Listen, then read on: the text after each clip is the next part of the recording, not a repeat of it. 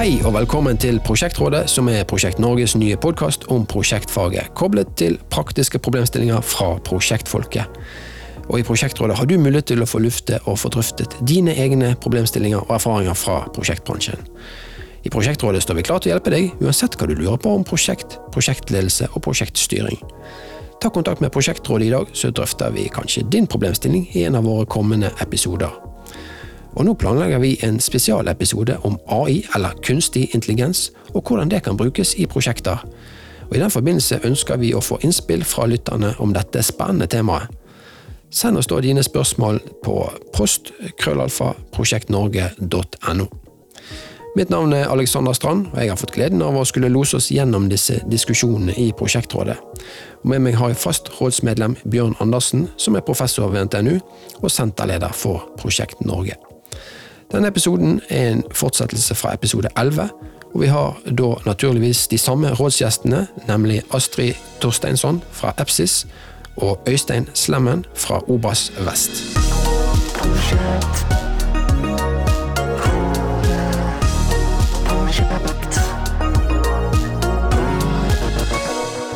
Kjære prosjektrådet. Jeg arbeider for et lite firma som prosjekterer akustikkløsninger for ulike typer bygg, og nylig har vi startet på et prosjekt der byggeren bruker noe de kaller ICE, som visstnok betyr Integrated Concurrent Engineering. Dette skal visstnok føre til at prosjekteringen blir både raskere, billigere og bedre, men så langt opplever vi egentlig bare at et par dusin ingeniører brenner av massevis av timer i heldagsmøter, der relativt få personer er særlig aktive. Kan dette være morgendagens arbeidsform for prosjektering? Hmm. Det var et godt spørsmål. Vi var litt innom prosjektering i sted, så eh, det å, å gjøre det i riktig omfang, det er jo òg Apropos lin, sant? Vi, vi skal ikke sløse der heller. Nei, vi skal ikke det. og Jeg synes det var litt, eh, var litt vittig, for jeg, jeg, hørte akkurat den samme kommentaren eh, fra en her i forrige uke. Oh, ja. Han hadde vært i et ICE-møte, de hadde sittet ti-tolv stykker en hel dag. Ja. Så det, det, er litt forskjellige, forskjellige erfaringer. Men mm. sånn som jeg oppfatter det, så er vel ikke det helt det som er intensjonen da, bak, bak ICE. Da. Vi hatt noen prosjekt hvor vi har prøvd prøvd det litt ut. da. Og Jeg har oppfattet at det, det, er helt det motsatte som er meninga bak det. da. Det kan mm. sikkert du, Bjørn, mye mer om enn det, det jeg kan. Men der er fall man veldig opptatt av å planlegge møter, av at man ja, detaljplanlag, møter veldig detaljert, egentlig, hvor, hva man skulle diskutere fra ti til kvart over ti, og hva man skulle diskutere fra kvart over ti til halv elleve, og ja. hvem som skulle være med på de forskjellige diskusjonene. Ja. Uh, så jeg syns det var, var, veldig positivt. da. Men uh, de erfaringene her hvor man sitter, sitter hele dagen med, med, alle sammen, det høres jo ikke helt, eh, helt effektivt ut. nei. Nei, men Vi ser nok begge deler, og Astrid nevnte jo innledningsvis at vi var med i et forskningsprosjekt for noen år siden som nettopp så på samtidig prosjektering og planlegging. Ja. Det var Vianova i Bærum som var liksom prosjekteier for dette, finansiert av Forskningsrådet.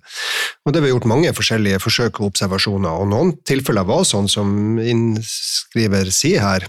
Mhm. Massevis av tidsbruk av folk som stort sett var passiv, men vi fant jo mange forutsetninger for at dette skulle fungere bra. Øystein nevner jo noen. Nitidig planlegging i forkant, godt forberedt, sånn at folk kommer og har gjort forberedelsene. Mm.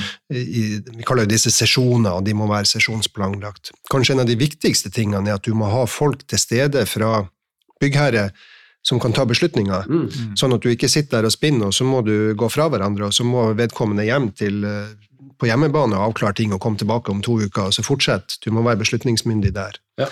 Men uh, vi har jo til og med en fin liten video som viser et sånn hardt hurtigfilm over en hel dag med prosjektering, fra de rigga opp til de går. Så er det en sånn teller som i videoen som viser antall beslutninger som dukker opp og er tatt og avklart. Ja, ja. Og en enormt effektiv dag når dette gjøres virkelig ja virkelig bra. Og vi har jo hatt studenter som så på effektene eh, både på harde parametere, det gikk fortere og billigere, men også myke ting. Man, eh, bedre trivsel, mindre konflikter. Eh, folk likte bedre å jobbe på den måten. Så mm. ja, at dette er morgendagens arbeidsform for prosjektering, men, men kanskje ikke i alle prosjekter. Mm. Det, det, er ikke sikkert. Men det, det, er jo tydeligvis ikke utført på riktig Nei. måte her, da? Nei da. Her har, man, her har man kanskje skjønt prinsippet at her skal folk jobbe sammen, altså integrert, og man skal prosjektere samtidig. Ja. Men man har ikke skjønt at man må planlegge det. Man tror at bare man setter i rommet, så skjer dette av seg sjøl. Ja. Og det gjør det jo ikke. Nei. Altså, hvordan kan det være så diametralt motsatt på en måte effekt av da, sant? Her sitter de mange og bare svir av masse timer og kaster vekk tiden, egentlig. Mens det egentlig det motsatte Mm. skulle vært tilfellet. Hva er det som skjer for, for, for at dette blir sånn? Min erfaring med dette Jeg har jobbet eh, med en tilsvarende metode i, i oljebransjen som vi kalte for concurrent design eller concurrent metode. Ja. Så jeg har jobbet mye med, med denne type sesjoner, da, som vi har kalt det. Eh, og eh, som du sier, vi har hatt mye forskjell, variabelt eh, der, men, men det er nok en fellesnevner at hvis man har et f.eks. et for snevert mål for møtet eller for sesjonen, som, som i dette tilfellet var det akustikkgjengen. Hvis, Mm, hvis ja, det egentlig det bare de skal ha fem minutters input, da. Så det er klart at da, da, da burde de kanskje ikke vært der, Nei. hvis jeg skal være helt ærlig. Ja, ja, ja. Eh, og, og kanskje kunne man heller sagt at ja, den biten av det tar vi enten helt i begynnelsen eller helt i slutten, og så kan dere få lov til å gå. Så, Mm. så, og da er vi tilbake til planlegging. At det handler egentlig mye om eh, altså Et møte eller en sesjon er jo det, det du gjør i forkant, som planleggingen, og så er det selve gjennomføringen og det du gjør etterpå. Og, og målet er jo effektivisering. Mm. Så hvis du bare putter mennesker i et rom, så er det jo like mange mennesker ganger med timer, og så har, vi, så har det bare flydd ut. ja. Og hva har vi da klart å levere? Eh, sånn at eh, kanskje man skal begynne å spørre andre veien. Hva, hva er min input i dette, denne sesjonen? Hva er det jeg skal bidra med her? Trenger jeg være der hele tiden? Mm. Kan jeg delta digitalt? Mm. Eh, for det er klart det tar jo reisetid òg, hvis Ja, du skal sant. være der Mm. fysisk. Um, men, men så er det òg, har vi sett, da, at det er en del som deltar i disse sesjonene, men ikke vet at de trenger å være der. Mm. Temaet og emnene eh, de trenger å ha det der, for hvis den og den problemstillingen kommer opp, så er det du som skal beslutte. Og da handler det jo litt om å få, fortelle det til alle som er der. Du er her i dag fordi at. Eh, for da har du egentlig ikke svidd av timene dine, men Mm. du har vært der fordi hvis den problemstillingen kommer opp, så har vi muligheten til å få en beslutning. Mm. Og så syns jeg det er litt gøy, for noen her sier òg at ja, men det er utrolig greit med de sesjonene, fordi da har jeg blokket av tid til prosjektet. Ja. Og da sitter jeg der. Så da kan jeg faktisk jobbe med prosjektet. Mm. Og så når jeg kommer tilbake på kontoret, så er det jo, blir jeg gjerne dratt i alle retninger, for du er gjerne er i flere prosjekt. Mm. Så fordeler og ulemper, vet ikke. Ja, Ja. og det er vel òg litt av tankegangen i ICE, at du skal sitte sammen og, og altså, ha dedikert tid da, til prosjektet. Mm. Og hvis du ikke trenger å være involvert i diskusjonen, så kan du sette deg på et annet kontor og jobbe med prosjektet, men eh, det spørs jo hvordan man klarer å få gjort dette i praksis, da. Så her er det tydeligvis en del ulik praksis. Det er det, og det, dette er jo som alt annet, som er litt nytt og litt komplisert kanskje, at du må gjøre det rett, eller så, Mm. så blir det jo feil. Men eh, det er klart det skal være beslutningsorientert, og tanken med at det skal være integrert, er jo fordi at det vil alltid stukke opp ting her og der, og noe gjennomføring og noe kobling av integrasjoner, og da er folk til stede og kan avklare det der. Mm. Det går ikke to uker for neste gang du klarer å tromme sammen til et møte. Så både i prinsipp og i praksis så skal det gå både raskere og bli, bli bedre. Ja. Så jeg vil jo be vedkommende her akustikkgjengen om å, om å fortelle sine samarbeidspartnere og kunder om at her må dere skjerpe dere og gjøre det rett, men, men ha tro på metoden videre. Mm.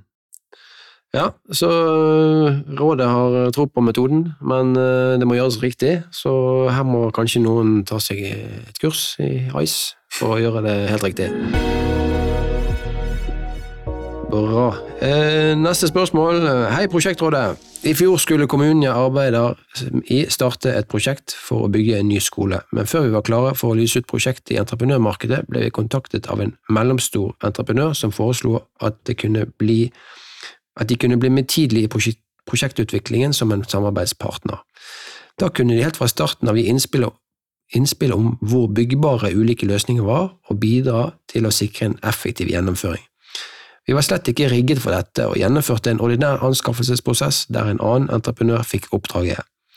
Nå er vi midt i byggefasen og ser at mange valg og løsninger foretatt av arkitekt og prosjekterende fungerer dårlig i bygging, og det har blitt nokså mange endringer. Derfor vurderer vi å forsøke det jeg har skjønt kalles tidlig leverandørinvolvering i vårt neste prosjekt, men er usikker på både om dette er mulig juridisk og fordeler og ulemper med dette. Hva mener dere om dette? Det var et langt spørsmål, men eh, tidlig eh, involvering eh, er jo eh, denne samspillsmodellen har jo denne tidlige leverandørinvolveringen. Og jeg vet ikke hvordan det er i IT-bransjen. Der òg har dere kanskje den type tidlig dialog mellom leverandør og bestiller. Absolutt. Da er vi litt tilbake på det med behovsanalysen igjen. At, man, ja, at man må trekke på riktige folk Mm. på riktig tid. For å egentlig forstå problemstillingen da, så godt som mulig. Ja. Ja. Og det der med byggbare er jo et stikkord. her, Sant? Finne de byggbare løsningene. Absolutt. Ja. Altså, jeg tenker jo Samspill må jo være den ideelle formen for, for den eh, spørsmålsstilleren her, tenker jeg. For du får jo da du får en tidlig leverandørinvolvering, eh, som gjør at man da kommer, kommer sammen eh, alle aktørene fra starten av. At man kan få, få alle da inputene på um, Brukerne kan komme med sine behov, og eh, de, de rådprosjekterende kan komme med hvordan man kan gjøre det. Og, og entreprenørene kan være med oss og si noe om det, om det her faktisk er mulig, mulig å bygge. da, eh, Og hvordan man eventuelt bygger det på rimeligst mulig måte. Så Og ofte kan det jo være små justeringer i, i hvordan ting er tegna eller løst, som gjør at det blir enorm forskjell i hvor effektivt sikkert det er å bygge det. Ja, det er jo det, er jo, Mm. for det er jo veldig små det er små, små problemstillinger som kan komme i ettertid, Mm. som kan være kost, veldig kostbare å, å rette opp igjen i. Mm. Eh, Så det å få, få just, gjort de justeringene der i, i tidlig fase, det, det har enormt stor, stor Mm. verdi. For det, hvis man da skal sitte eh, 10-15 mann i dagsmøte i ettertid Mm. og så endre om på dette og diskutere, så, så kan, det, kan det ta lang tid å få, få justert små, små endringer. Mm. Og det er jo litt ekko til det forrige spørsmålet om den her eh, concurrent, altså samtidigheten. Eh, Da snakker vi kanskje om de prosjekterende primært, men det er klart, de utførende òg har jo en rolle i den samtidigheten for å være med og gi sine Mm. innspill. Så eh, det henger sammen. Ja. Og så er det noe med å um, ha en felles forståelse for dette òg. At Ja. ikke man forstår det hver for seg, Mm. men, men egentlig i tidlig fase trekke alle inn i en workshop eller en sesjon. Mm. Og, og, og sørge for at alle har samme forståelse. For da er det lettere å gå ut og si 'nå estimerer du for deg Mm. sjøl', og 'nå går du ut og planlegger for deg sjøl'. Da kan vi på en måte gå i hver vår retning. Så lenge vi vet at vi har felles forståelse for utgangspunktet, og, og hva vi skal levere. Mm. Det har vi jo sett i, i samtidig Mm. prosjektering, at det er viktig. Mm. Mm. Men så sier jo vedkommende her at han er usikker på juridisk, og, Ja. og det kan jeg jo for så vidt forstå, i hvert fall hvis det er offentlig. Det her var jo en kommune, da, for det er klart du har jo Mm. du har jo mindre grunnlag for å kontrahere på, hvis du følger den mer sånn fossefallsmetoden, som du Ja. kalte det for Alexander, at du har, du har en arkitekt som har tegna noe, og prosjekterende kanskje som har vært med å utarbeide et, et anbudsgrunnlag som du da lyser ut på, Mm. så er det kanskje mye enklere å rangere tilbudet og velge det rette, mens her må du litt mer ut på et slags grovkonsept kanskje, og kontrahere. Men eh, noen løser jo det ved å ta en sånn todelt anskaffelse, at du får en sånn type utviklingskontrakt eller noe sånt, der du, Ja. der du får betalt for å være med som entreprenør i en tidlig eh, fase og prosjektutviklingsfase, Mm. og så har du ikke noe forrang eller noe rett til å få gjennomføringa etterpå. Da får Mm. du betalt for den jobben. Ja. Men, eh, men det er klart, du vil jo ofte stille sterkt selvfølgelig da i, Ja. i, i neste runde.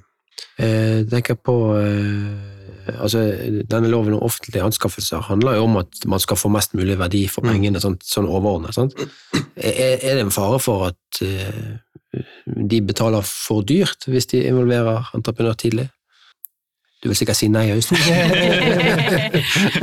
Det er jo selvfølgelig helt sikkert en, en risiko for det, men det er jo da Vi har jo flere av de prosjektene hvor, og for det offentlige, både for, for kommuner og Statsbygg og, og flere. Ja. Uh, og Der er, velger jeg da en modell hvor vi konkurrerer da på, på timepriser, på årsaksprosent Mm. og, og en gjennomføringsmetode. da. Mm.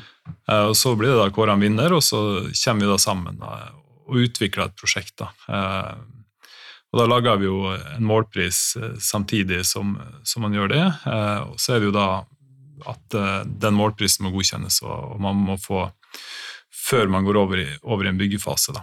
Eh, og det er jo rart med det, men da har man jo ikke en jobb. Man har, entreprenøren har jo ikke et byggeprosjekt, eh, de har jo bare et utviklingsprosjekt. og Mm. det, det er jo ikke det, det, jo ikke det vi, vi entreprenører lever av. Ja. vi lever jo av det byggeprosjektet. Ja.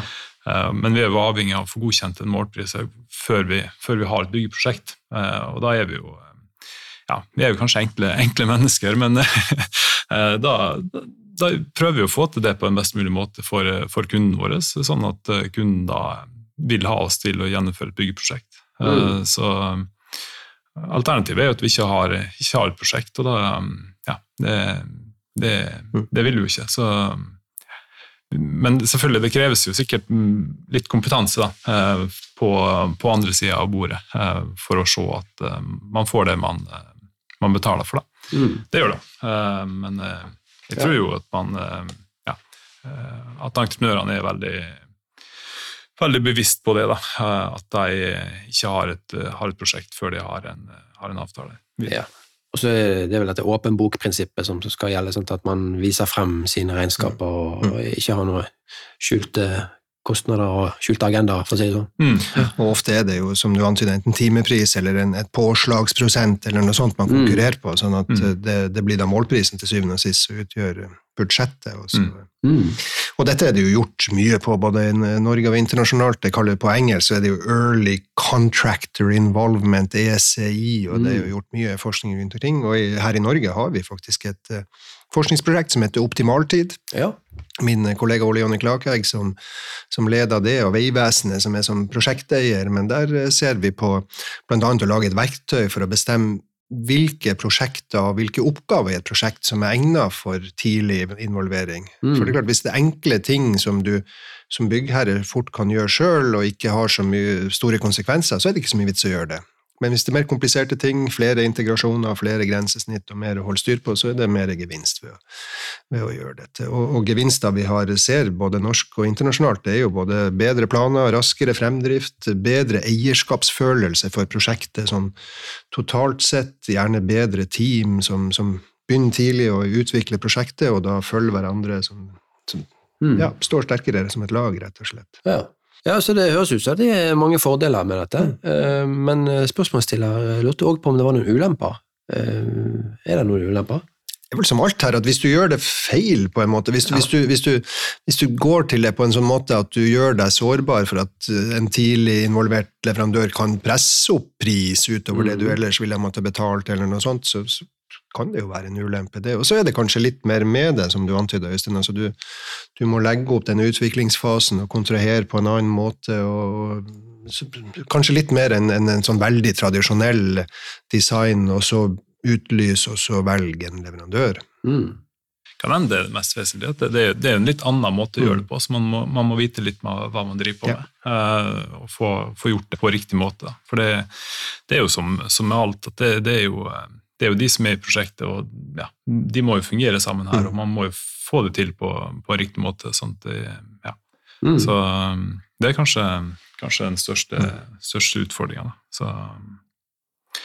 Men vi, vi, er i hvert fall eh, ja, heller overbevist om at eh, hvis man eh, gjør det på riktig måte og, og får, får, det til, så er det, er det utrolig mange positive fordeler. Og det med eierskapsfølelse. Vi hadde også et prosjekt eh, et samspillsprosjekt hvor, hvor byggherren i etterkant oppsummerte prosjektet eh, med at uh, de hadde opplevd prosjektet som om at alle var i et, en felles bedrift uh, og jobba mot et felles mål. Ja.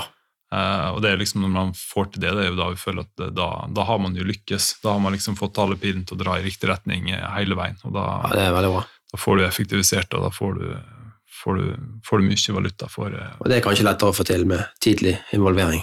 Vi tror det. Mm. Kjempebra. Da tror jeg vi tar et siste spørsmål her. Eh, til prosjektrådet. Søsteren min arbeider i IKT-prosjekter, og der har de jo lenge brukt såkalte agile metoder. Jeg er ingen ekspert på dette, men hun skryter mye av, det, av at de arbeider iterativt og raskt gjør endringer dersom skjermbilder eller funksjonalitet møter motbør hos brukere av systemet. Som prosjekterende i byggeprosjekter slår det meg at vi kanskje kan lære noe av dette. Vi også møter gjerne motbør fra brukere av bygget, men hører først ikke om dette før etter at bygget er ferdig, og så blir det massevis av ombygginger. Nå har vi BIM-modeller som kan visualiseres, sågar lages video av eller ses i VR-briller. Er det mulig å innføre agil prosjektering i byggeprosjekter? Det synes jeg var et bra spørsmål sånn eh, med de rådsgjestene vi har her. Kan vi få til agil prosjektering? Først, Astrid, kan ikke du fortelle litt mer? Hva betyr agil, eller agile metoder? Altså jeg, og jeg må jo bare si det, for man kan jo sertifisere seg innenfor dette. Ja. Eh, Det er ikke jeg. Sånn at eh, jeg kan synse og, og, og si min erfaring, men Ja. Men, ja. Eh, men det er klart det, det det handler om, er jo å se på hvordan kan man jobbe med ting samtidig. Hvordan kan man, hvordan kan man trekke ting i tidlig fase? Hvordan kan man jobbe med aktiviteter samtidig, sånn at ikke det blir en sånn fossefallsmodell som gjør at ting sklir i tid Mm. eller blir veldig, veldig, veldig langt ut i tid. Og så i tillegg en sånn eh, versjon der man tenker at du, du har en aktivitet, og så må du teste den på en brukermasse, og så må du kjapt gjøre endringene før du går til endelig design. Fordi Mm. at ved å jobbe på den måten, så, så vil man hurtigere komme til en bedre løsning, er vel ideen bak det. Sånn som jeg har forstått det. Mm. Eh, og det er jo, i hvert fall på IT-utviklingssiden, så er jo noe av dette er jo rett og slett å bruke kall det billige metoder i starten. Sant? Så, så ja, gå på, gå på tavlen, tegn opp. Hvordan Ja. skal dette se ut? Hvis det blir liggende på denne måten, hvis bygget ser ut på denne måten, hvordan vil du som bruker oppfatte det? Mm. Og da er det veldig billig å endre et rom fra et sted til et annet, Ja. eksempelvis. Mens hvis du har bygget bygget, så regner jeg med, uten at jeg kan alle kostnader, men jeg regner med det er ganske dyrt. Det er dyrere- det er dyrere å tegne. Ja. så, så jeg tenker at det, det er noe der, da, i forhold til hvordan kan man på et tidlig tidspunkt Altså du sier visualisere det. Uh, Mm. Ja, Mm. jeg vet ikke. Ja, nei, jeg synes det, det er interessant, og jeg jeg må innrømme at jeg måtte inn og så google litt i forhold til agile metoder og lese meg litt opp, på akkurat det. da. Ja. Eh, Men det der med å dele opp, Mm. eh, dele opp, det synes jeg det er, jo, det er jo det vi prøver på, egentlig. Mm. Og jeg tenker litt tilbake på de der eh, temamøtene som vi snakka om litt, eh, litt tidligere òg. Eh, at vi da deler opp den store elefanten i, i mindre biter og temaer som vi skal løse, og prøve å løse ting i riktig rekkefølge. da, Mm. Uh, uten at vi nødvendigvis skal Mm. prosjektere så mye, eller vi skal gjøre så mye utover, ja, i hvert fall i starten, da, sånn at vi, vi får, eh, får beslutta og bestemt ting, ting i riktig rekkefølge. da. Det, det tror jeg absolutt at eh, vi er på vei til, da. Ja. Eh, selv om vi kanskje ikke vil kaller det så veldig mye for agile metoder. Nei, vi, vi bruker kanskje ikke det begrepet, men vi har jo vært innom noen andre begrep her. Ice og eh, lean og så, dette, dette er jo lean, tenker jeg. Eh? Eh, Og de, de bruker vel noe som heter MVP, sånn hva heter det, Most Viable Product, eller? Nei, det er kanskje feil ord, men i hvert fall en sånn prototype, sant? Den enkleste måten å vise at eh, er dette det kunden trenger.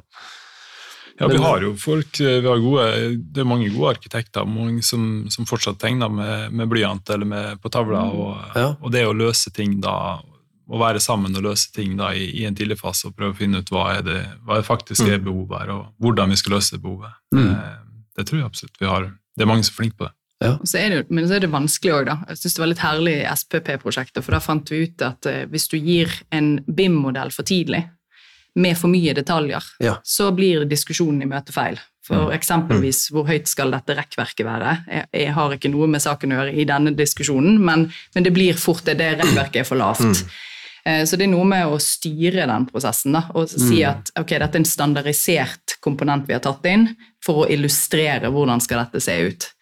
Eh, Så det å ta inn detaljer på riktig tidspunkt tror jeg er viktig, og da bygge på etter hvert. Den gradvise modninga må jo være det. Først få de store konseptene, og romplan og sånt, og så begynne med mer løsninger, og så kanskje hvor skal lys være, og stikkontakt og brytere osv. Men at du får visualisert det og kan endre på det før du har tegna for langt, og før noen i verste fall har begynt å bygge og skru og montere ting, Mm. det må jo være nøkkelen i dette. Det er iterativt, gradvis modning. Ja.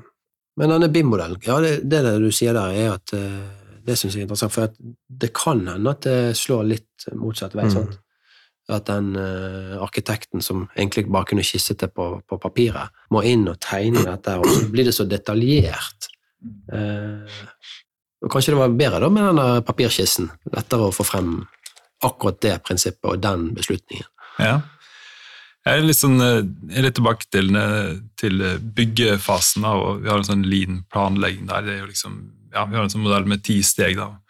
Og Det første, første steget vi skal gjøre, er at vi bare skal sitte og finne de repeterbare ikke repeterbare områder. Mm. Jeg husker første, første gangen, eller starten når vi gjorde det her, hvor vanskelig det var å få, få aktørene, alle sammen, til å være med og bare sitte og tenke på det. Ja.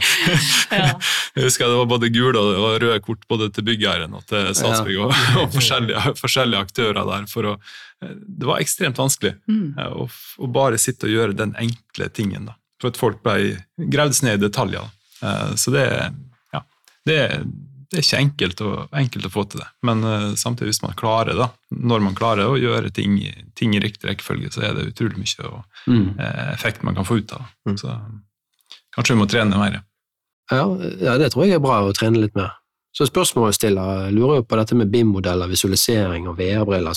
At det er på en måte verktøy for å få i gang eh, agil prosjektering, men det behøver nødvendigvis kanskje ikke være de verktøyene. sant? Det trenger det jo ikke, som, som Øystein sier, er en, en flink arkitekt som er rask og skisser opp noe og gir et inntrykk av hvordan ting vil se ut. Det er jo, er jo effektivt òg, men uh, man har jo mye erfaring med at brukere, enten det er lærere eller det er sykehjemsansatte eller folk i et kontorbygg eller hvem det er, som blir forelagt en arbeidstegning eller en BIM-modell. Det er vanskelig helt å forholde seg til hvordan, hva det vil bety i praksis den dagen jeg skal flytte inn her. Mm. Og da kan jo ting som, som en video, som viser liksom en sånn gjennomvandring gjennom et bygg, eller at du kan med VR-briller gå og ta på ting og snu deg og se hvordan det ser ut, være lettere å visualisere dette. Mm. Men det er jo ikke i alle faser det er nødvendig. Det er kanskje for enkelte ting, og kanskje spesielt krevende rom, eller jeg jeg husker når når jeg har vært med på dette der man skal bruke undervisningsrom, eksempel, så har jeg jo sjøl fått sånne VR-briller på og så sett at du kan snu deg rundt, og hvor er kamera, og hvor er lys, og hvor er whiteboard, og, og sånt. Mm. Og da får du et helt annet inntrykk enn at du ser ei 2D-tegning eller noe sånt som du ikke helt har forutsetninger kanskje for å forstå. Ja, jeg husker jeg prøvde sånne VR-briller en gang eh, på et prosjekt som vi holdt på med i Oslo. Ja. Livsvitenskapsbygget. Det var Mm, et høyt bygg. Stort bygg. Og jeg eh, skulle gå på taket da, med disse VR-brillene på. Mm. Og gikk ut på kanten der. og Jeg fikk skikkelig altså, Jeg var skikkelig her for fall. Så det gir en sånn enorm Ja, eh, visuell effekt. Det var helt utrolig. Men eh, har du inntrykk av at eh, det blir brukt noe særlig? dette? Det syns jeg tas mer og mer i, Ja. mer og mer i bruk. Men eh, det må jo brukes til sitt formål. Ja. Som sagt, hvis det er nok å sitte i et rom her, og kanskje en arkitekt som tegner på noe på veggen, eller noe at jo, sånn blir, her blir døra, og her blir sånn, så er jo det evig nok i den fasen. Ja, det er absolutt, eh, absolutt en grei måte å visualisere. Vi hadde også et prosjekt hvor vi hadde testa VR-briller og sånn. Vi var oppe på taket faktisk også. Men det var veldig fint, for det var en komplisert takkonstruksjon, og vi fikk eh, sett da hvor de kilene var, og Mm, hvordan ja. ting var. og det, var ja, det er jo absolutt nyttig, for det, Mm. det visualiserer jo ting på en, en veldig god måte. Ja. Men det trenger ikke å være bare overfor brukere. Det kan, altså, vi nevnte jo mange ulike fag, og Mm. noen som er holder på med akustikk, og man sitter i et, et prosjekteringsmøte, og så er det ikke så lett å forstå hvordan blir himlinga, og hvordan Gav får det her å si for akustikken, så det og da kan på et eller annet vis litt sånn mock-up-aktig her skjønne at jo, ok, dette vil se sånn ut, men her bør vi kanskje gjøre noen justeringer, og så bruker vi en uke på det, og så ser vi på nytt, og så hele tida, som vi sa, modne dette og la det bli bedre og bedre før vi kommer så langt at ting låses, fryses. og man blir- Mm.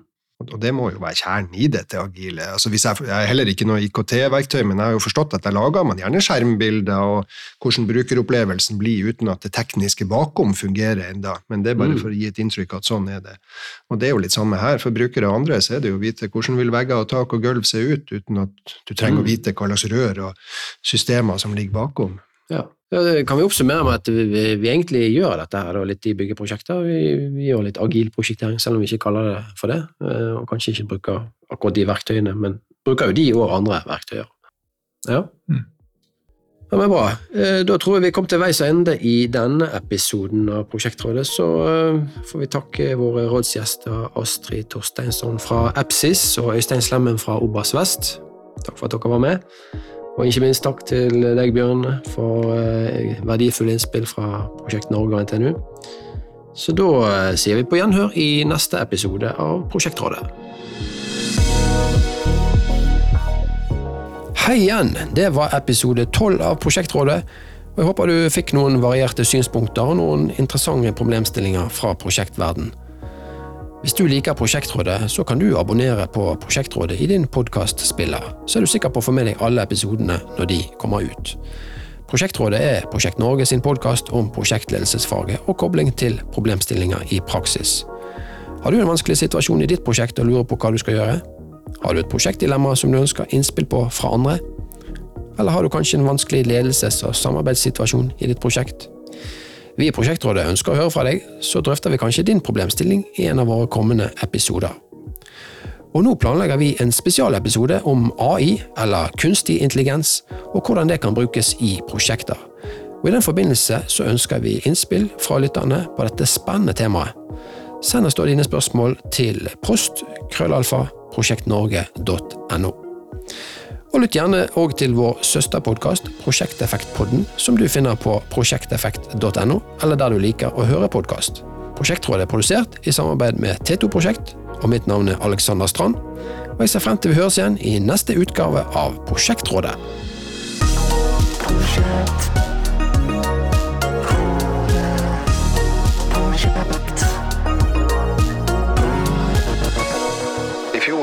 Bytta jeg bil endelig fra diesel til elbil, og så spurte jeg en veldig sånn bilinteressert kompis om hva han ville anbefale. Ja, nei, du Bjørn, du trenger en Porsche Taycan, du. Det var liksom og, og det tror jeg han hadde svart uansett hvem som hadde spurt. Det var ikke noe tanke om hva var mitt behov.